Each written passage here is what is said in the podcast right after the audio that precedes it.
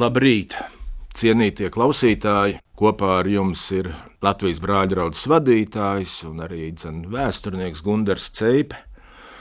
Un mans jautājums, vai jūs zinat, kādā reliģiskā organizācijā jaunības gados darbojās dziedātājs, operdziedātājs Miķelis Fišers? Miķels Fišers ir dzimis 1915. gadā Liepājas pusē, un tur viņš darbojies Kurzemes brāļu draugzē. Viņš vadīja korus, bet viņš bija nu, jaunietis.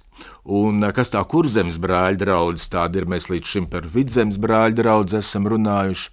Kurzemes brāļa draugs ir pavisam cita vēsture.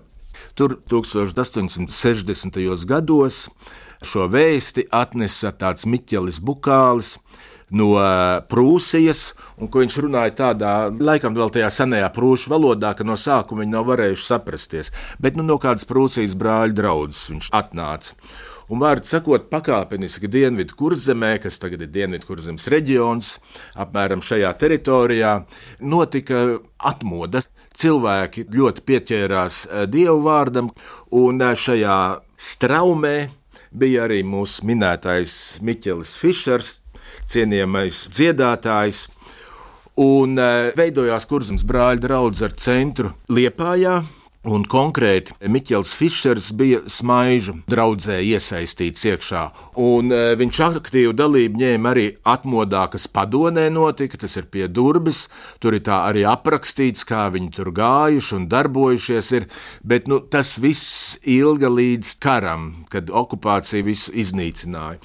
Es esmu redzējis arī tagad nesen atradās tie dokumenti no uh, Kurzemes brāļa draudzes, tur tādu jauniešu, teiksim, apraksts jau no sākuma sākot no gadsimta sākuma. Viss skrupulozi pierakstīts, dzējoļu skaudzē viņa rakstīja. Un viņš eh, jā, bija tas muzikālais vadītājs. Un tad viņš arī Liepājas teātrī iesaistījās. Katrā ziņā tur viņš darbojās. Un karam beidzoties, viņš tika aicināts uz Rīgas operas teātri 1948. gadā. Un uh, zīmīgi, ka šajā pašā gadā ar Viļņu Lāču pavēli tika slēgta brāļu drauga vispār, gan kurzems, gan vidzems. Un tā slava tiem kurzems brāļiem ir tā pati smaiža baznīca, kas joprojām ir atrodama. Tur tātad liepājas orķestris savu rimbenieku festivālu, turpat iesāka. Jā. Un eh, viņa ir no vietējās grāmatas būvēts ārkārtīgi skaistā vietā, tādā kalna galā. Un kā tur rakstīts, Viņi pa dienu strādāja, pa nakti būvēja baznīcu. Viņa tiešām izaugusi no tās zemes, no tās grāmatas, tur krāns daudz ir. Un viņa 29. gadā sāka celt, un 39. gadā iesvētīja. Karā viņa tika sapostīta, aizliegta, un tātad rezultātā šie kurzemes brāļi un māsas, kā saka, reliģiski realizējās vai pie luterāņiem, vai pie baptistiem, kur viņi pamatā visu aizgāja, gribot palikt pie draudzes. Un kā arī Nikolais Plāti saka, ka viņi draudzēs, tad bija kā tie asins ķermenīši, kas dzīvību deva. Nu, tāds ir stāsts un tāds ir fakts par Miķeli Fišeru.